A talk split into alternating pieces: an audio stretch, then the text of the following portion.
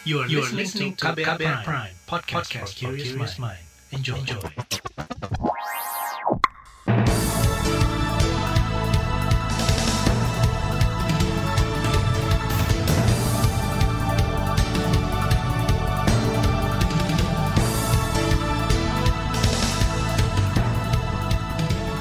Selamat pagi, senang sekali kami bisa menjumpai Anda melalui Buletin Pagi Senin 12 Desember 2022. Saya Naomi Liandra, sejumlah informasi pilihan telah kami siapkan. Di antaranya pemerintah didesak penuhi janji pemajuan HAM di Indonesia. Wapres sebut toleransi beragama di Indonesia sangat tinggi. Resepsi pernikahan Kaisang Erina libatkan belasan ribu personil gabungan. Inilah Buletin Pagi. Terbaru di Buletin Pagi. Indeks kinerja hak asasi manusia HAM di Indonesia pada tahun ini meningkat tipis 0,3 menjadi 3,3 dibanding tahun sebelumnya berada di angka 3. Variabel hak ekonomi, sosial, dan budaya, hak atas pendidikan menjadi penyumbang skor terbesar yakni 4,4. Sementara variabel hak sipil dan politik angkanya cenderung sama di mana upaya perlindungan dan penghormatan terhadap kebebasan berekspresi dan berpendapat masih rendah, bahkan turun 0,1 dibanding tahun lalu. Pengukuran indeks dilakukan Setara Institute dan Infit, lembaga yang selama memberikan perhatian dan fokus kerja di bidang HAM.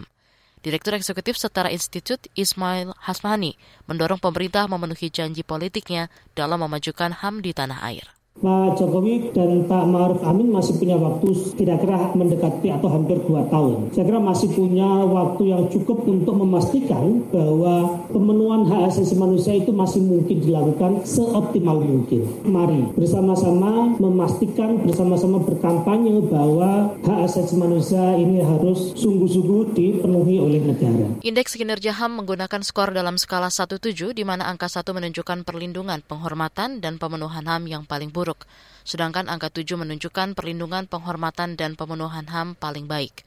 Indeks dikeluarkan bertepatan dengan Hari HAM 2022 10 Desember. Setara dan Infit menilai baru sekitar 47 persen pemenuhan HAM telah dicapai pemerintah saat ini. Bahkan buruknya proses legislasi yang dipraktikkan DPR bersama pemerintah saat pengesahan KUHP menjadi penyumbang turunnya skor pada indikator hak turut serta dalam pemerintah. Dalam kesempatan berbeda, Kementerian Hukum dan HAM menyatakan bahwa pemerintah berkomitmen untuk terus menyelesaikan pelanggaran HAM meski ada pro dan kontra. Menurut Dirjen HAM Kemenkumham Mualim Abadi, pemerintah berkewajiban memenuhi hak asasi setiap orang sesuai konstitusi termasuk dalam Kitab Undang-Undang Hukum Pidana KUHP. Maka pemerintah harus memberikan jaminan, harus memberikan garansi bahwa hak-hak asasi manusia itu bisa dilaksanakan dengan baik. Oleh karena itu, di pemerintahan Presiden Joko Widodo ini, sekarang itu hak asasi manusia dari waktu ke waktu terus meningkat, ya, terus berkembang, dan yang pasti adalah pemerintah akan hadir, negara akan hadir apabila ada tiap orang yang hak asasi manusianya dilanggar atau diabaikan oleh karena adanya aturan yang yang tidak sesuai dengan hak asasi manusia. Dirjen HAM Kemenkumham Walimin Abdi mencontohkan pemenuhan HAM di antaranya hak memperoleh pendidikan, ikut serta dalam pemerintah serta hak kebebasan berserikat dan menyampaikan pendapat, termasuk hak memeluk agama dan kepercayaan. Dalam Indeks Kinerja HAM 2022, komitmen negara dalam pemajuan HAM di Papua juga masih rendah, bahkan selalu lebih rendah dari rata-rata skor nasional pada indikator yang sama. Namun kantor staf presiden KSP mengklaim pemerintah tetap berkomitmen menyelesaikan kasus-kasus pelanggaran HAM masa lalu, baik yang terjadi di Papua maupun di daerah lain di Indonesia. Ini disampaikan tenaga ahli utama KSP Theo Francis Litai saat dihubungi KBR akhir pekan lalu. Dan hal ini sudah dituangkan dalam rencana pembangunan jangka menengah. Oleh karena itu, ini memang merupakan bagian dari kerja-kerja pemerintahan khususnya dalam bidang polhukam dan HAM. Jadi pemerintah akan terus konsisten untuk melanjutkan uh, penyelesaian. Tenaga ahli utama KSP Theo Francis Litai menambahkan perpres tentang pembentukan tim penyelesaian HAM masa lalu juga menjadi upaya pemerintah menuntaskan kasus-kasus HAM. KBR berupaya menghubungi sejumlah anggota Komisi Hukum DPR untuk menanyakan kepada mereka tentang indeks kinerja HAM 2022, namun hingga berita ini disiarkan tidak ada tanggapan dari mereka. Menurunnya perlindungan dan penghormatan dan terhadap kebebasan berekspresi serta berpendapat dalam Indeks Kinerja HAM 2022. Salah satunya dikarenakan pengesahan Kitab Undang-Undang Hukum Pidana KUHP oleh DPR pada pekan lalu. Hal ini juga disoroti Komnas HAM. Menurut anggota Komnas HAM Anis Hidayah, pengesahan KUHP masih berpotensi melanggar HAM.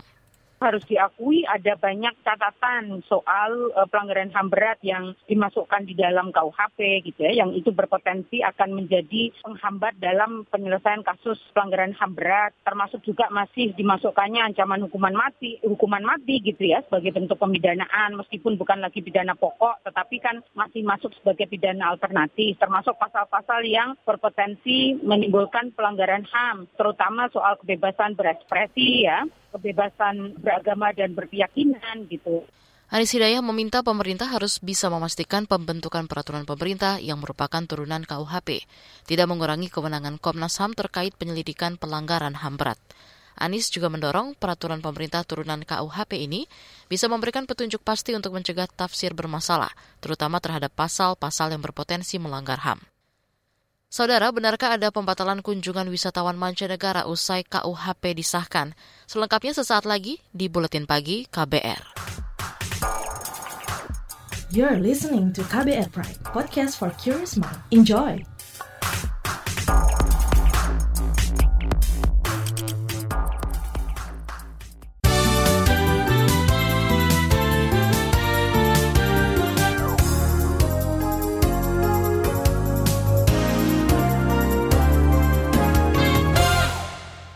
Kementerian Pariwisata dan Ekonomi Kreatif mengklaim tidak ada pembatalan kunjungan wisatawan setelah pengesahan Kitab Undang-Undang Hukum Pidana KUHP.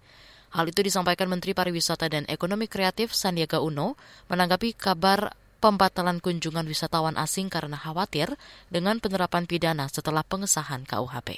Kita sosialisasikan uh, wisata di Indonesia aman, nyaman, dan menyenangkan.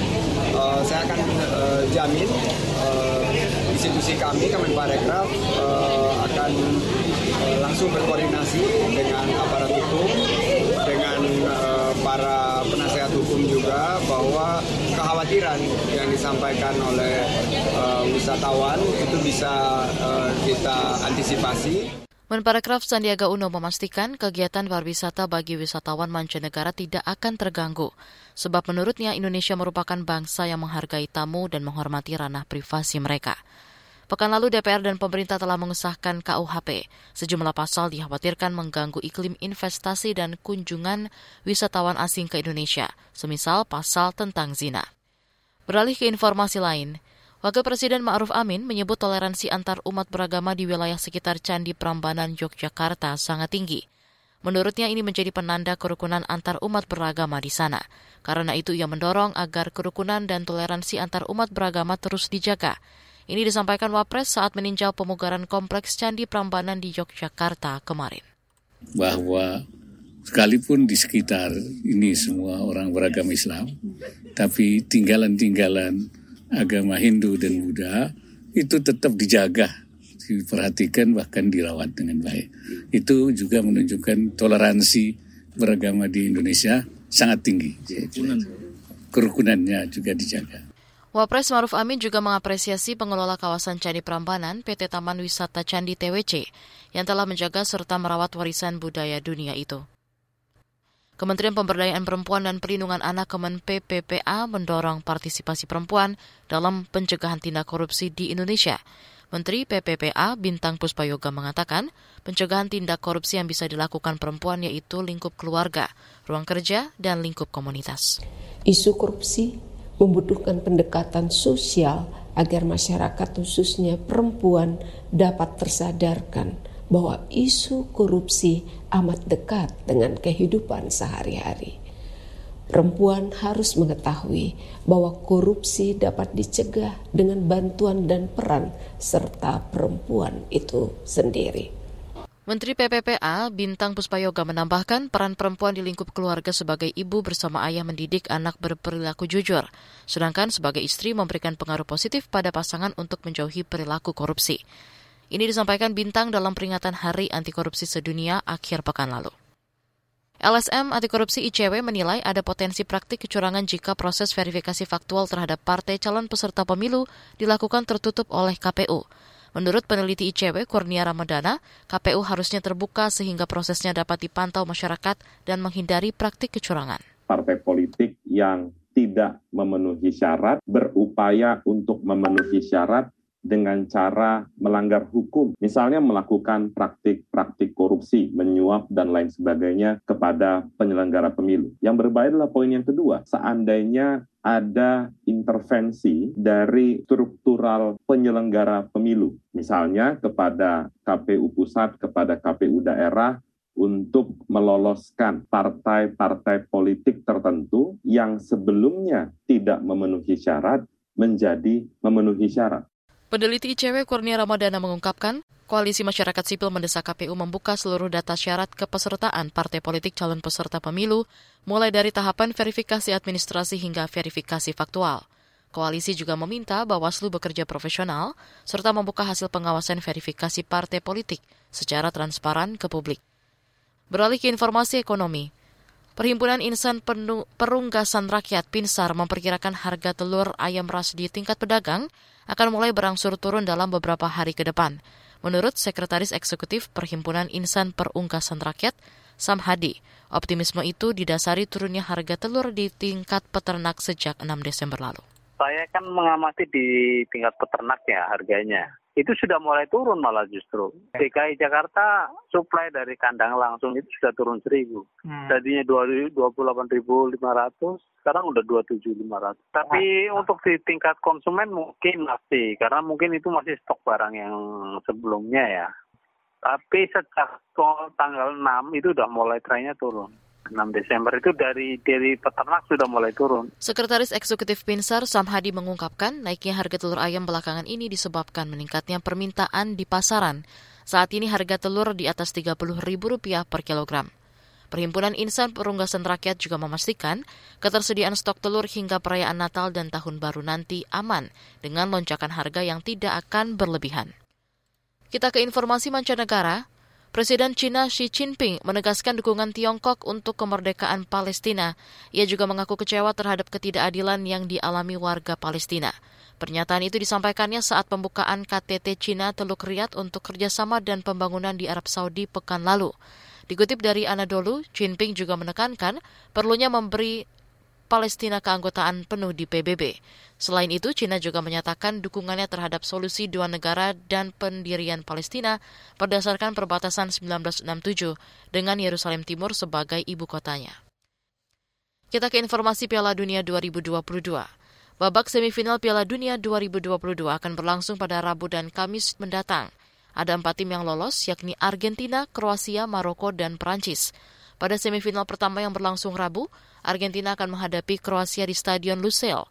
Sementara pada laga semifinal kedua, Prancis akan menghadapi Maroko di Stadion Al Bait Al Hor Kamis dini hari mendatang. Kita ke BWF World Finals 2022. Dua wakil Indonesia masih belum berhasil mengangkat trofi kemenangan di World Tour Finals 2022 kemarin. Sektor ganda putra, pasangan Hendra Ahsan gagal mengalahkan ganda Cina Liu Yuchen Kwa Yuanxi. Ahsan Hendra kalah rubber game dengan skor 17-21, 21-19, dan 12-21. Sedangkan di sektor tunggal putra, Anthony Sinisuka Ginting belum mampu mematahkan dominasi Victor Excelsen di final BWF World Tour 2022. Ginting harus menyerah dua game langsung 13-21 dan 14-21 atas pebulu tangkis asal Denmark. Di bagian berikutnya kami hadirkan laporan khas KBR tentang upaya nelayan Lombok Timur sejahtera dengan berkooperasi. Tetap di Buletin Pagi KBR. You're listening to KBR Pride, podcast for curious mind. Enjoy!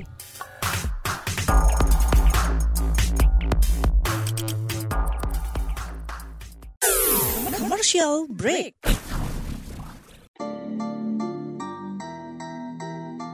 Come on yo, buat yang sukanya berhoax, you better listen to this one. Check this one out yo. Hati-hati kalau baca kabar hoax. Jangan langsung disebar kabar yang hoax. Kalau mau tahu kabar benar atau hoax, dengerin cek fakta yang pasti bukan hoax. Dengerinnya setiap Senin yang jelas bukan hoax. Cuma ada di kbrprime.id dan aplikasi podcast lainnya. Hoax. Sudah cukup cukup hoaxnya? Hoax. Cukup. Jaga emosi, tahan jari, Verifikasi sebelum dibagi. Saya Ari Bowo Sasmito, Ketua Komite Pemeriksa Fakta Mafindo. KBR Prime, podcast for curious mind.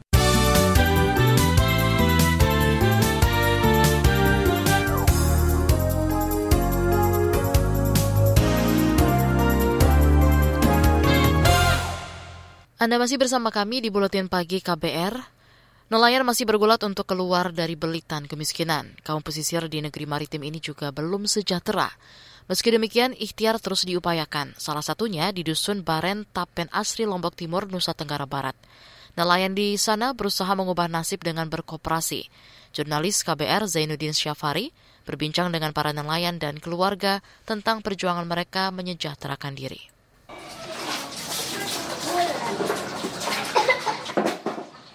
Nur Hasanah sedang membersihkan cumi dan ikan hasil tangkapan nelayan. Ia sembari mengasuh anaknya yang masih balita.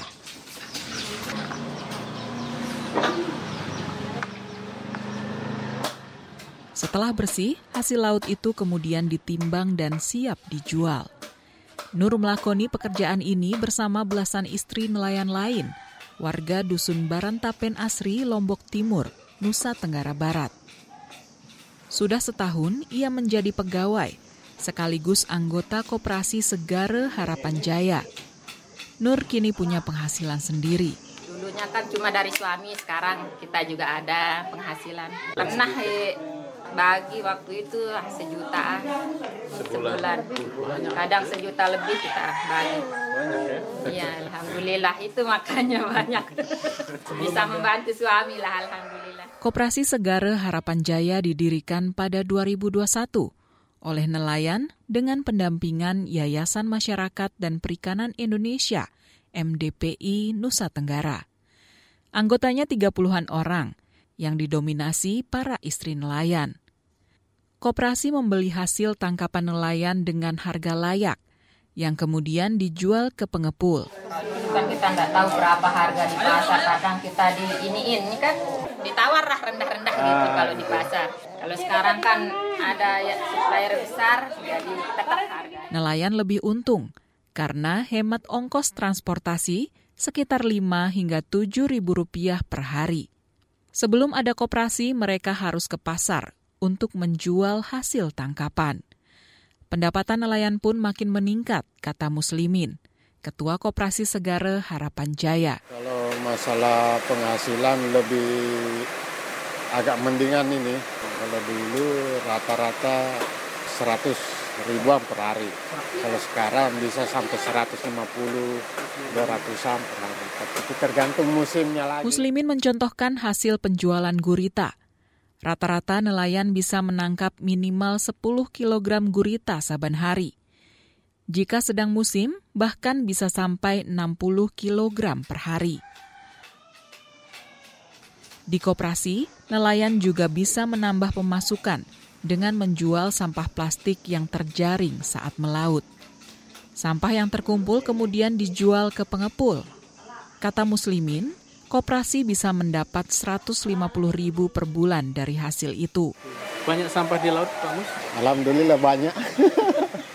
Itu di sekarang musim hujan, otomatis sampah dari darat dibawa arus air ke laut. Tapi kalau berapa tahun ini sudah tidak terlalu kayak dulu lagi sampahnya. oh, dulu banyak sekali sampah. Banyak sekali. Nyari sampah Ya, juga, kalau ya? ada yang hanyut kayak yang begini yang bisa jadi uang, kita pungut lagi. Kalau dulu enggak, Kegiatan ini sekaligus untuk mendorong pelestarian laut. Staf Lapangan Masyarakat Perikanan Indonesia MDPI Lombok, M. Tairan. sampah-sampah yang diambil sama teman-teman nelayan yang dari laut bisa terkapar, bisa dimanfaatkan di oleh komunitas koperasi ini sendiri. Dijual kembali ya. Koperasi yang beli nanti koperasi kerjasama sama supply pengepulnya. Itu salah satu edukasi kita untuk menjaga lingkungan mereka juga. Kiprah Koperasi Segare Harapan Jaya diapresiasi pemerintah daerah, salah satunya karena melibatkan perempuan. Penyuluh Dinas Perikanan dan Kelautan Kabupaten Lombok Timur, Dwi Putri Hairunisa. terutama di Kecamatan Pinggabaya ini kan memang ada beberapa koperasi. Hmm. Cuman untuk aktivitasnya tidak seaktif di sini gitu. Karena kan di sini karena dikelola langsung oleh nelayan kan, bersama dengan ibu-ibu nelayan jadi lebih bagus gitu ini. Terutama ada pendampingan juga dari LSM gitu. Kalau yang lain itu dia lebih ke kepemilikan pribadi gitu. Jadi belum ada. Dwi mendorong para istri nelayan meningkatkan nilai tambah dengan menjual olahan ikan. Pihak dinas siap mendampingi. Kalau memang uh, ibu-ibu di sini aktif berperan kan dalam kegiatan koperasi, bisa dibentuk kelompok juga gitu kan, kelompok khusus pengolahan karena kan kita dalam mengakses program dari pemerintah itu perlu adanya kelompok sebenarnya dari koperasi juga memang bisa gitu cuma lebih biar spesifik ibu-ibu bisa melakukan kegiatan pengolahan ikan gitu nanti akan ada pelatihan juga bimbingan dari dinas dari penyuluh untuk kegiatan pengolahan yang baik dari dinas Demikian Saga Jurnalis KBR Zainuddin Syafari. Saya Astri Yuwanasari. Informasi dari berbagai daerah akan hadir usai jeda. Tetaplah bersama Buletin Pagi KBR. Commercial break.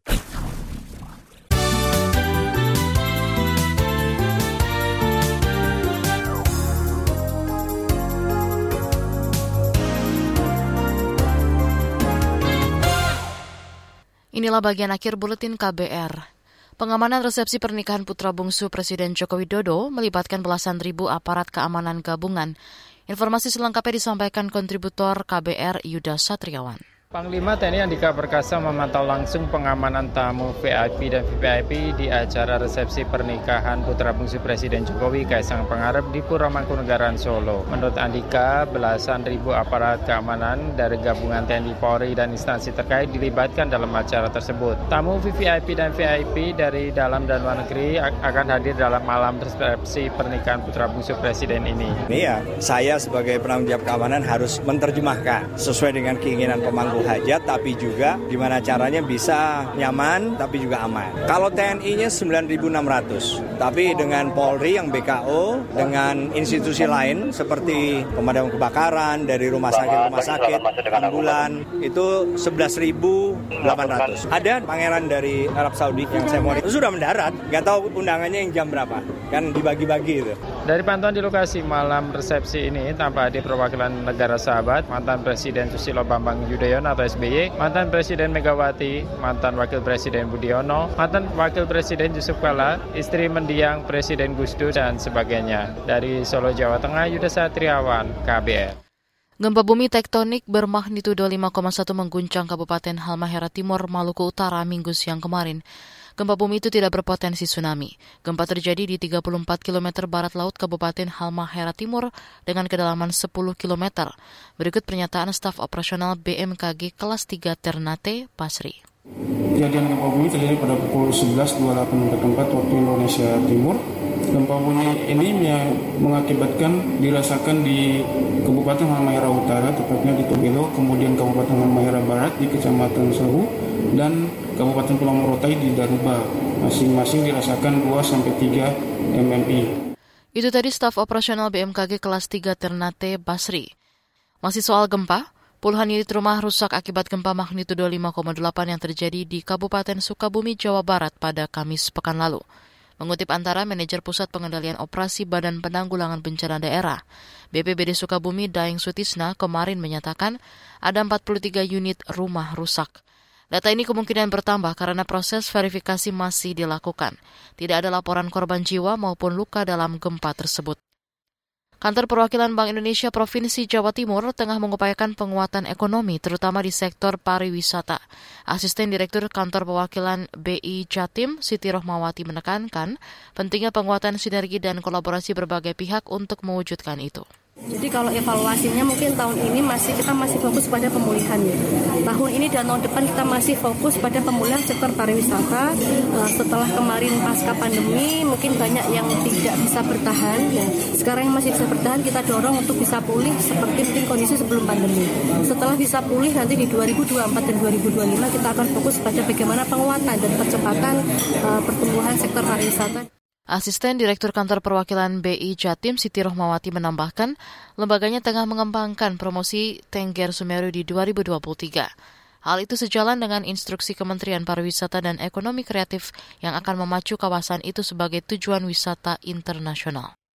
Informasi tadi menutup jumpa kita di Buletin Pagi hari ini. Pantau juga informasi terbaru melalui kabar baru, situs kbr.id, Twitter kami di akun @beritaKBR, lalu podcast di alamat kbrprime.id. Saya Naomi Liandra bersama tim yang bertugas undur diri. Salam.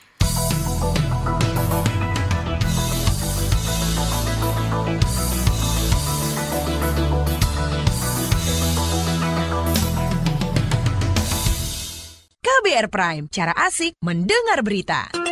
KBR Prime, podcast for curious mind.